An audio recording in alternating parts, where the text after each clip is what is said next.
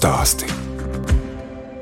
Kā man vecāmām teica, pavārs tā ir ļoti laba profesija, jo tu vienmēr būsi siltumā, vienmēr būsi paēdis.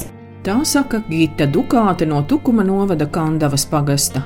Es, Daina Zalamane, šoreiz ciemojos nelielā bioloģiskajā piemājas saimniecībā. Gita saimnieko laukos un strādā par pavāri netālā viesunamā, un stāsta, ka uzņēmīgas un darbīgas bija arī viņas vecmāmiņas. Latvijā man bija māmas vecā māma un mammas vecai mammai vēl mamma. Un tam ļoti patikās, jo viņi dzīvoja tādā mežmalā, nu, tādā etnogrāfiskā mājā, jo bija tām baltajām koka grīdām, kas latviešu tautas dziesmas, ka tu izmazgā, viņi tiešām balta palika.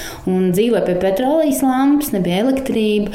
Un tāpat viņa slauka. Kas tur pa gadiem bija? 80. gada sākumā. Vēl nebija elektrība. Viņai nebija. Viņai elektrība ievilka vispār tikai kaut kādos 90. gados. Tikai tāpēc, ka pie viņas aizgāja dzīvot mammai brālis ar ģimeni. Bija mazi bērni mājās, tad gāja kaut kāds projekts Latvijas energo un tad ievilka elektrību. Vecā man tie savā mājā viņa taisīja sviestu un cepa maizi maisa krāsnē. Un, um, tā pavāra darīšana arī laikam ir no vecām mamām, jo gan mammas mamma Latgalē pa godiem staigāja klāja kāzu galds, un Rīgas vecā mamma atkal bija diplomāta pavāra. Viņa strādāja divās darbvietās. Viņa bija tāda fīrētāja, viņai bija divi dārziņi, viņai bija pilns pagrabs. Un, tā kā mamma teica, ja viņa dzīvotu mūsu laikos, viņai noteikti arī būtu saimniecība, biznesiņi, jā, jo nu, viņa tāda ļoti apsviedīga. Un tas laikam laikam jā, kaut kā ir nodots ar gēniem. Stiprie stāsti. No sapņa uz mērķi. Gita Dukāte bērnībā dzīvoja Rīgā, pēc tam ar ģimeni pārcēlās uz Kurmeni, vēlāk vecāki nopirka māju Tukuma novada Kandavas pagastā, un Gita Laidzes tehnikumā mācījās par lauku māju saimnieci. Es tur aizgāju dēļ draudzenes, jo viņi saka, es iešu mācīties kaut ko, kur nav vidusskola. Viņa negribēja vidusskolu, viņai likās, ka viņa to nepabeigs. Un tad, kad mēs aizbraucām, iesniedzām dokumentus, un viņi ieraudzīja stundu sarakstu mūsējo, viņi saka, kāpēc tur ir ķīmija, matemātika? es saku, es tev palīdzēšu. Viņa teica, labi, es pirmo gadu nomācīšos, tad iešu prom. Tā viņa teica, pēc otrā gada, un, protams, pabeidzām. Un ļoti veiksmīgi, mums bija laukumā aizsēmniece pavāra specialitāte, tad viņa arī pēc tam ļoti daudz gadus nostrādāja kāķīšu bērnamā pa pavāru, un tas diploms noderēja. Blakus Gitas saimniecībai atrodas mājas, kur savulaik dzīvoja valodnieks Kārlis Mīlenbachs. Nevarēja saprast, kāpēc tā, ka nu, mūsu māja tomēr ir diezgan liela un saimniecība ir bijusi liela. Arī Kārļa Mīlenbaka māja ir pilnīgi mūžas lieluma gandrīz. Un es domāju, nu, kā tas var būt, ka divas lielas saimniecības ir nu, tik tuvu viena otrai, gan arī sētā iecelt. Bet izrādās, ka tur bija vecā pārbraukta un te gāja lielais ceļš, kas gāja uz Ventspils šosei ārā. Tās mājas bija katrs savā ceļa pusē, un tad jau loģiski viena māja uz vienu pusi uz otru.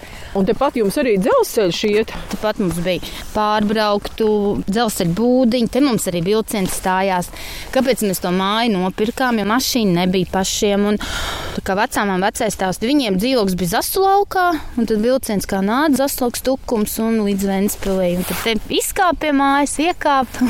Tagad vēl iet vilcieni. Nu, ne, taču kaut ko jau ziņā sāk runāt, ka būtu vajag atjaunot. Bet jūs atkal būsiet pieraduši, ka te tāds kluss vilciens tomēr. Ir tā, ka mums ļoti kur kursē kādreiz dīzeļu gāja un ogles. Un tad bija tā, ka tiešām ik pēc 15 minūtēm vilcieni gāja. Un tad bija tā, ka gāja tie pilnie vilcieni, visi logi tā drrr. Tad, kad kāds atbrauc ciemos, tad vienmēr palika pa nakti. Viņa teica, es šonakt neesmu gulējis, es visus vilcienus saskaitīju. Gita un viņas vīrs Aivis abi strādā arī algotu darbu. Gita ir pavāre, bet vīrs - dzelzceļnieks. Tā bāzes darba vieta ir tā Kandavas stacija. Viņiem ir iedalīts no Kandavas stacijai līdz Tūpē Ventspils. Tad viņi visu šo posmu labo un sliedz jau tāpat ir jāuztur tā infrastruktūra brauc un tas sliedas remontā. Bet jums kā pavārē tā viesnumā tad iznāk vairāk brīvdienās? Strādā. Jā, pašā sākumā vēl mēs mainījāmies pa nedēļām strādājām, bet vasarā mēs no ceturtdienām citreiz sākam, ja piekdienā ir kā piekdienas, sestdienas, svētdienas. Tad jau ir labi, ka var apvienot ar vēl kaut ko. Jā, tikai priekšniekiem saka, es nāku uz virtuvi atpūsties no laukiem. Un tad, kad tu pirmdien pamosties, un tu vari iet kā dārzā, rāvēt, ņemties, un ar tādu prieku ir tos nedēļas nogalis pilnīgi no laukiem atpūties. Stiprie stāsti. Laiks mācīties, prieks saprast. Gita Dukāte apguvusi arī grāmatvedību un lietvedību, un katru gadu papildina zināšanas lauksaimniecībā.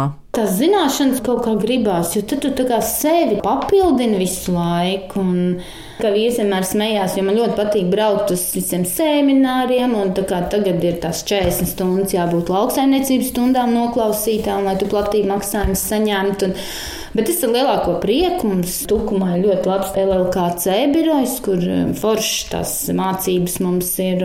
Pagājušā nedēļa mums bija par emisijām mācības. Ir jāsaprot, kur tās emisijas radās un kā no viņām izvairīties un kā neražot viņas tik daudz lauksaimniecībā. Un tagad mums ir trīs dienu cikls tieši bioloģiskā saimniekošana. Pirmā nodarbība mums bija par normatīvajiem aktiem un regulām. Ļoti aizraujoši neizklausās. Jā, bet tad, kad tu tajā visā esi iekšā, ir ļoti forši, ka tu uzreiz vari pajautāt. Jums tas bizness šeit laukos ir maziņš. Jūs esat saimnieciskās darbības veicēji, bet tiešām tas viss ir jāzina. Protams, ir obligāti jāzina, jo visēž, ja tu gribi saimniekot bioloģiski, tad ir nu, ļoti svarīgi ir ievērot gan cik lopam vajag eh, kvadrātmetrus un ko viņam jādod ir ēst un kad barības vienības un labturība un, kā mums teica, bioloģiskā lauksaimniecība jau nav tā, ka tu neko nedari. Tu vienkārši dari pareizi. Pat esmu pabeigusi jau augstskolā grāmatvedību, bet daudz gadus atpakaļ. Kur jūs mācījāties? Turībā filiālē tausos. Varēja zūmā grāmatvedību apgūt vēlreiz. Domāju, labi, ja nāk, taču ir mainījušies, ir viss kaut kas. Un tad es vēl lietvedību pabeidzu, tā pieaugušo izglītību, tas projekts lielais un praksi gāja Kandavas tehnikumā. Un, tā kā varētu strādāt arī pa lietvedī, būtu tāda gribēšana. Mums nāca klāts zemes, ko mēs īrējam pārvaldnieks Rīgā. Un izrādās, ka visi tie līgumi tad jāslēdz ar Rīgu. Nu, kad tu lietvedībā iemācies to lietišķi atsevišķo saraksti un līgumu sastādīšanu un e-parakstīšanu. Bet arī cik daudz zināšanu tomēr ir vajadzīga arī šādas mazas piemājas saimniecības īpašniecei. Īstenībā, jā, jo tev ir jābūt tas tā kā sieviete ģimenē. Pavārs, apkopēja, veļas mazgātāja, finanšu ministrs, jā, un saimniecībā tā jau tāda pati, tikai vēl plašāk, jo tev ir, sevišķi tā kā mūsu gadījumā, gan ir dārzeņi, gan lopi un Tev ir visur jābūt kaut kādai zināšanai. Visādi noteikumi, piemēram, bioloģiskā saimniekošanā, tev ir 200 eiro no hektāra jābūt ienākumiem. Tātad tu nevari tā vienkārši saimniekot un gaidīt, ka tev būs subsīdijas un atbalsts. Tagad izrēķini, ko tu pārdos, ko tu izaudzināsi, lai nu, vismaz tos 12,000, lai tu vari dabūt no tās saimniecības. Nu, protams. Ai, pēdējos gados gadās e, ļoti visādi, jo kāds ir tās vasaras sausums. Piemēram, aizpagājušajā gadā mums neizauga kartupeļi. Bija tā, ka agrie kartupeļi vasarā bija. Protams, tos mēs notirgojām, kā jau agros kartupeļus, un tagad bija jāķerās rudenī pie rudens kartupeļiem. Lauris šķirnis, tas saprot, ka nav jēgas viņas lasīt, jo viņi vienkārši nav izauguši. Tas bija, kad bija tās lapjā vasara, ja? Jā. Bet te pašā laikā atkal izauga viss pārējais. Stiprie stāsti mans ceļš un pieredze. Turpinu ciemoties piemājas saimniecībā Nāgas, Tukuma novada Kandavas pagastā. Gita un Aivis Dukāti apsaimnieko 60 hektārus zemes, 10 no tiem ir īpašumā, pārējos nomā. Saimnieki audzē graudus un dārzeņus, kūtī ir četras govis un četras sivēnmātes. Pie cūkām svešinieki netiek ielaisti. Nu, tas cūkmērs staigā riņķī, neko nevar darīt. Dikti ir jāsargājās pats sev sargās un Dievs tev sargās. Pirmām kārtām apavi, nu, kas ir domāti tikai kūtī, tad ir dezinfekcējošie paklājiņi. Lai viņas neievazātu no ganiem kaut ko, mm -hmm. tāpēc arī uzcēla nojumu govīm atsevišķi. Lai tas ir nošķirti, un nu, tu, tu, tu, līdz šim esam izvairījušies. Bioloģiskajiem inspektoriem patīk, ka mēs esam pilnā aprits saimniecība. No lopa, mēsls, lauks, akau lops apēd to, ko saražojam, un tā viss iet uz rīņķi. Kā dabā tas pienākās. Teicāt, ka jūs audzējat gotiņas, lai cūkām būtu pieniņš. Jā, varbūt rūguši pieniņš, lai nav jādod klāt kaut kādi sintētiskie vitamīnu un mikroelementi, jo pienā ir viss, kas rūksim vajadzīgs. Un gribās jau tāpēc pašam sev to labāko. Daudz saka, kā jūs tiekat galā. Es varu palapoties, mēs dzīvojam kopā trīs paudzes.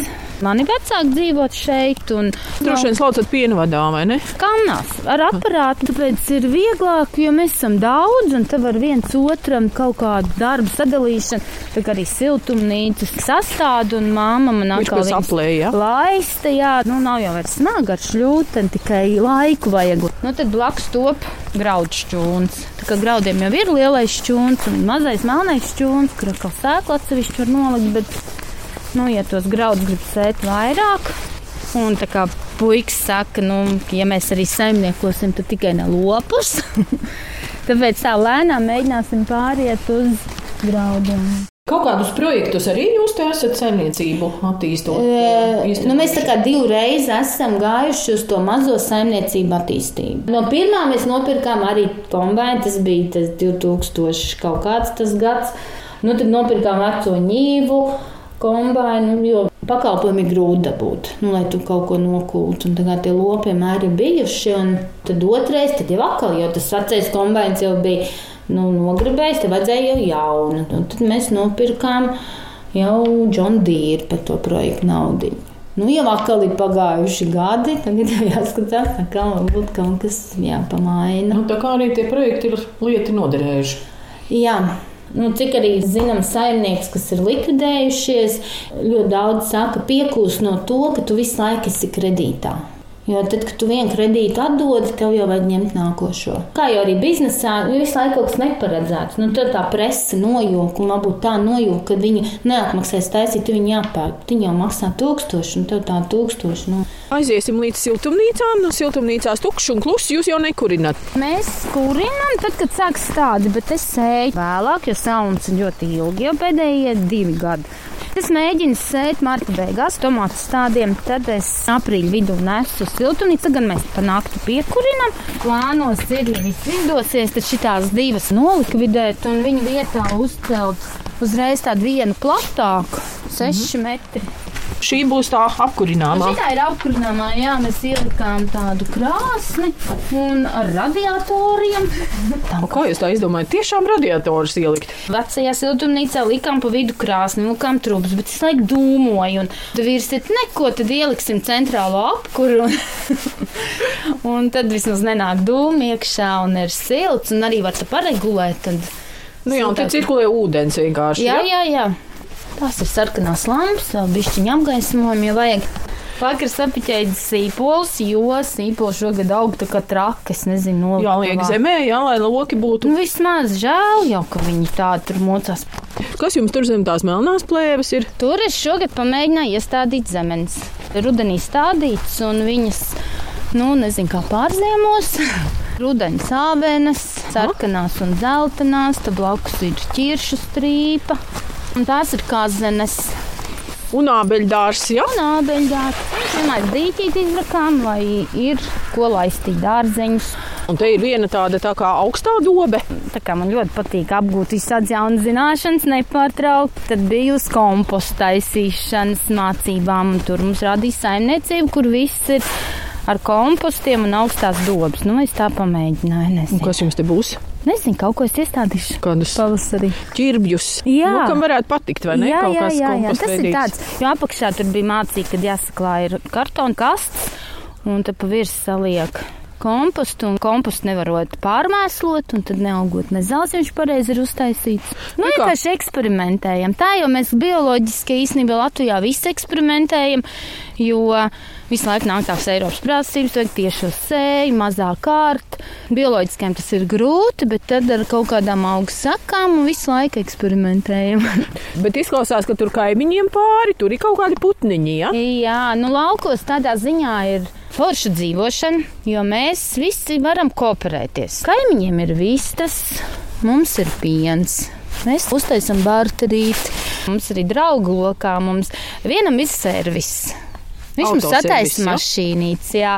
Viens draugs ir celtnieks, viņš mums uztaisa remontu, un tad mēs tur kooperējamies. Nu, Jūs kaut tā- ko no saviem lauku labumiem Jā, jā, jā, iedodat. mēs atkal tā varam palīdzēt arī ar traktoru tehniku, ar pakalpojumiem. Un, Vai cik skaisti ir tas egļu dzīvžoks? nu, šito mēs paši sastādījām. Tur visu laiku nāk kaimiņiem braukāt, un tā bišķiņa kaut kā mēs norobežotos. Mēs tiešām esam ciemu vidū kalnā. Kas jums ir pa ciemu?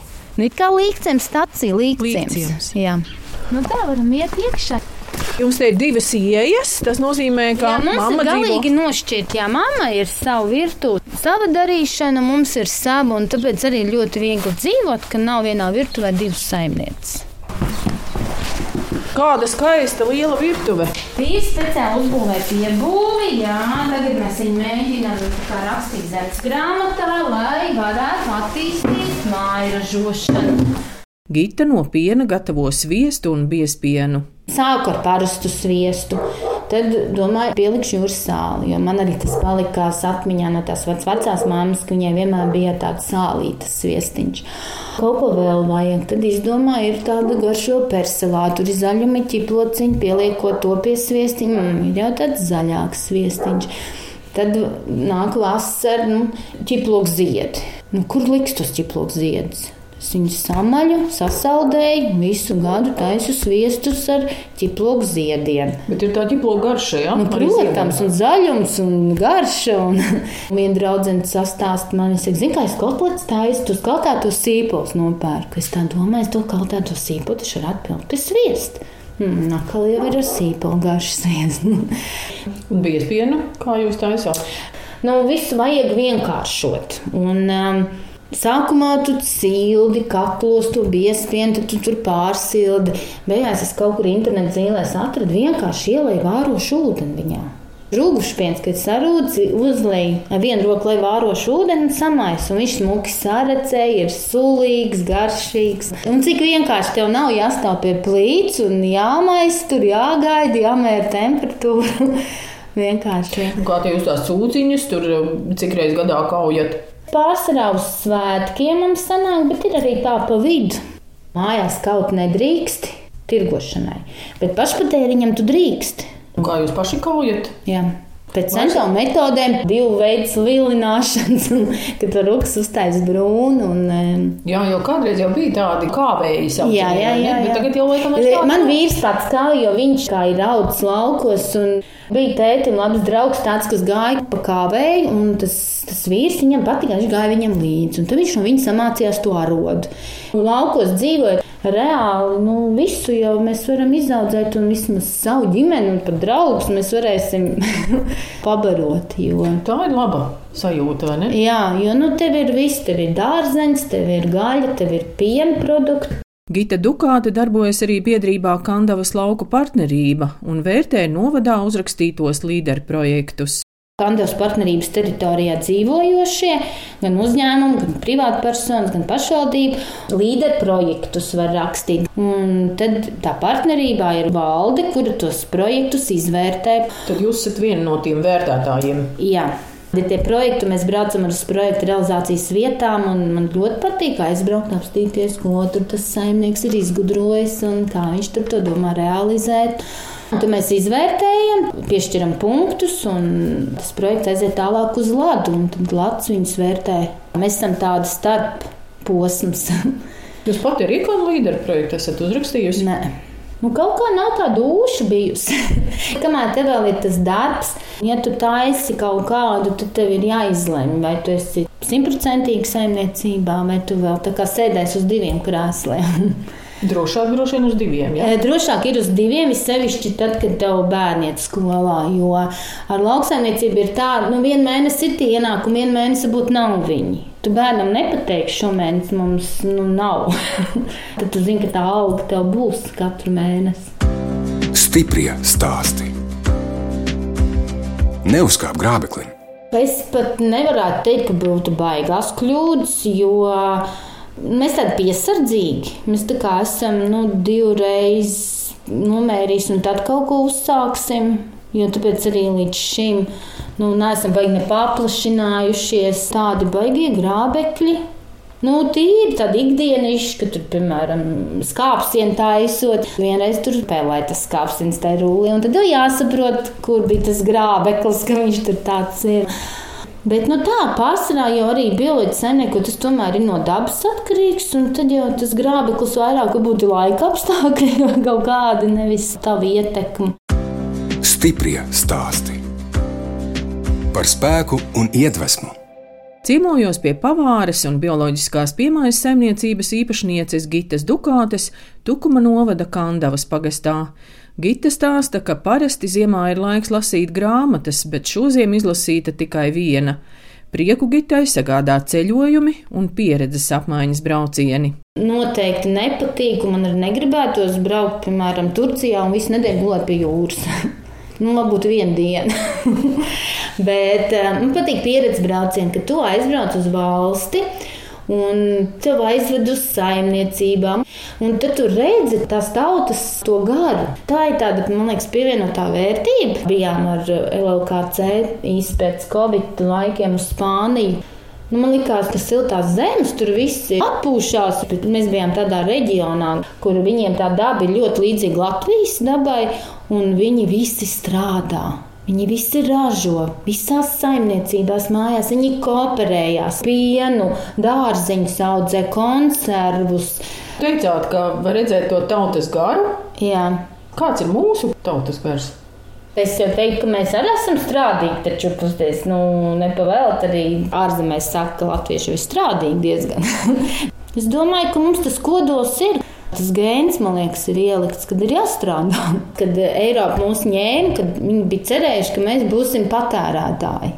Bet beigās jau Latvijas ir ražotājs, un mēs taču paši varam visu saražot. Kādas tad ir tās problēmas, ar ko jūs saskaraties šobrīd? Tas, ka kāpj cenas, degvielas cenas, kad bija tais debesīs, tā peļņas daļa vien sarūk un sarūk, jo Tas, ka kādreiz degviela bija lētāka, nu, tā, tas dārziņš, nu, labi, pēdējos gados bija pacēlies tā cena. Bet... Brīžiem jau likās tā, ka tu jā, izaudzini un tu pat nedabū atpakaļ to, ko tu esi ieguldījis. Un tas, ko jūs arī minējāt, ka jums pašiem īpašumā zeme ir maza un nākas daudz nomāt. Jā, paldies Dievam, ka mums ir tādi zemes saimnieki, kas saprot, ka bioloģisko saimniekošanu tu vispār tāds baigās ražas nevar ievākt un baigi pelnīt nu, tad viņi nu, mums ir piekrituši uz minimālākām nomas maksām. Jā, sāpīgi tagad ir pagājušā gada lēmums, ka pašvaldībai redz, ir jāpaceļ lielāka nomas maksa par savām zemēm. Privātais tev saprot, ka tu nepelnīsi uz to viņa zemi, galvenais, lai tu viņu apstrādā. Un, ļoti daudziem arī patīk tas, ka tu tomēr kops to zemi, ka nevis noplicinās, nu, kad ir ar mieru atdot labāk, lētāk un bioloģiskajam nekā tam lielajam saimniekam. Nu, tas tāds sāpīgs jā, moments. Mazo skolu slēgšana, tas jūs kaut kā mm. ietekmē? Pagaidām mūs neietekmē, jo bērni man mācās Skandavā vidusskolā. Esot bijis jābūt 400 bērniem, bet bija 406.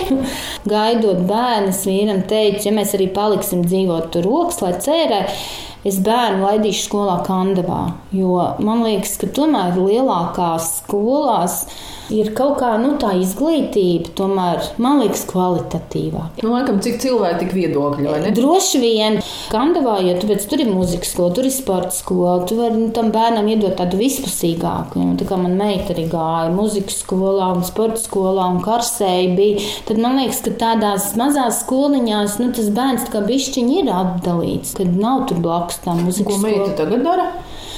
Meita tagad izmācījās strādiņus, un tad pabeidza arī maģistrus sabiedrības veselību. Un nostrādāju slavenajā SPKC Covid laikā. Tagad viņi uz tiem pašiem veselības projektiem tikai no otras puses rādaši domē. Kā jūs teicāt, laukos ir izaugusi pilsētniece. Jā, jā, jo viņa tāda arī man bija. Nu, viņa saka, es labāk nomazgāšu trauks, es labāk sakārtošu māju. Tas jau arī ir labi, ja tu to izdarīsi, es tad atkal iešu to darbiņu darīt. Viņa nav slaukusi govu nevienu reizi. nu, pilsētniece izauga. No dēliem ir kāds laucinieks? Nu, pagaidām jau abiem patīk. Tā tehnika, tie traktori. Vidējais puisis mācās trešajā kursā tehnikumā. Kandavā? Jā, lauksaimniekos. Un, nu, it kā patīk tā darīšana. Nu, mazajam arī nu, visu vasaru grābi zāli un barot tur savus teļus. Nespiežam. Gribēs saimnieku, negribēs nesaimnieku. Vai pavāris domā arī par veselīgu dzīvesveidu? Sāksim ar to, ka, lai mēs bioloģiski saimniekotu, tas jau ir tas pamats, lai man ģimenei būtu veselīgs ēdiens. Arī maniem bērniem gribās čipsus un frī, bet es domāju, ja to tas pamats ir tas veselīgais, ka dažreiz tu vari arī pagrēkot. Ar sportu arī jūs esat uz to? Oi, sports, sports pietiek te pa saimniecību. Sports pietiek pa saimniecību. Bet Covid laikā mēs gājām pārgājienos. Mēs esam iztaigājuši visas malas. Kā visiem mazajiem. Bija tā, ka man jau tie puikas saka, tu vari iet vien pat, mēs neiesim. Nē, es saku, vai teiks termosā un ejam. Nu, garākais mums bija uz Galtenē ir tāds svētavots, nu tas ir kaut kā 12 km. Pat bija puteņi, bet sarunājām, ka mums atbrauks pakaļ uz to svētavot. Un tad bērniem ar tas prieks, ka gan tam svētavotam, un viņi dzer to augstu ūdeni, kad es domāju, ārprāt sasvīduši, kas būs. Nekas nebija. Nemaz neslimoja. Vai sapnīši ir tādi noteikti piezemēti, jo katram cilvēkam ir ielikts kaut kāds, kas viņam dzīvē jāpaveic. Un man laikam ir tā cilvēka barošana, kaut kur zvaigznēs ierakstīt, jo es no viņas netieku vaļā. Vai kā gribētu, izmācījos par grāmatu, izmācījos par lietu, bet es tik baroju cilvēkus. Un otrs, kā bērnu audzināšana. Nepavēlti ir trīs viņi, jā. Nu, tā kā mēs teicām, viens ir tēvam, viens mātei, viens valstī. Tie sapņi arī grozās ap to, lai tomēr tā saimniecība kaut ko varbūt izgudrot jaunu, jo tad, kad ierakstīsim šo virtuvi zemes grāmatā un varēsim mairažošanu attīstīt, tad nu, gribētos man tā kā bioloģiski tur to kaut ko jau abeļdārs saukt, arī zapts pavārīt un kaut kādus produktiņus pataisīt. Nu, tāds sapnīts. Nu, tādi mazie sapnīši, vecās siltumnīcas no jaunām samainīt. Kādreiz varbūt jaunu kombināciju nopirkt.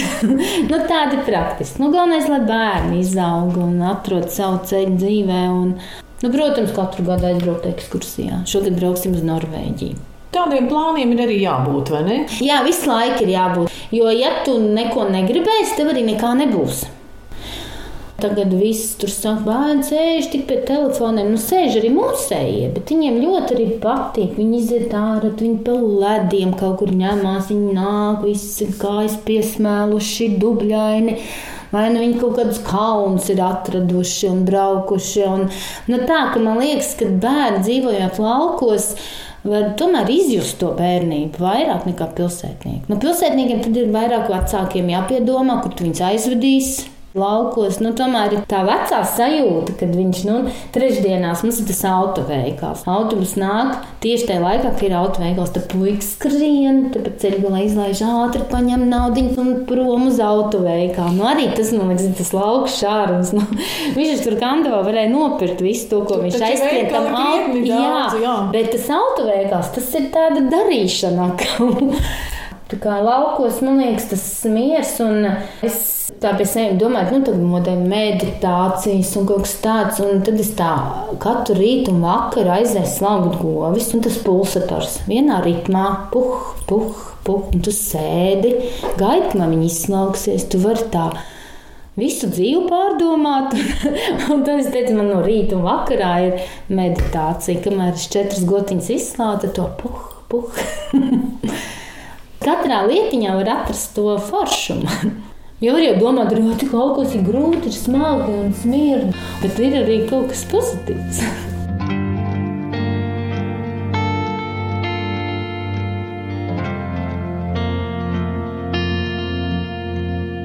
Tikāmies ar Gitu Dukāti, kas nelielā bioloģiskā biemājas saimniecībā Tukuma novada Kandavas pagastā kopā ar ģimeni audzēja govis un cūkas, graudus un dārzeņus.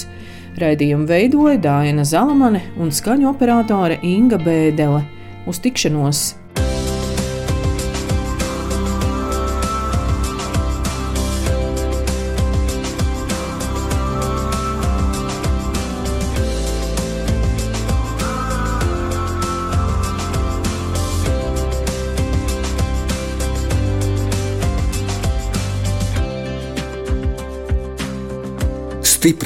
Stāsti.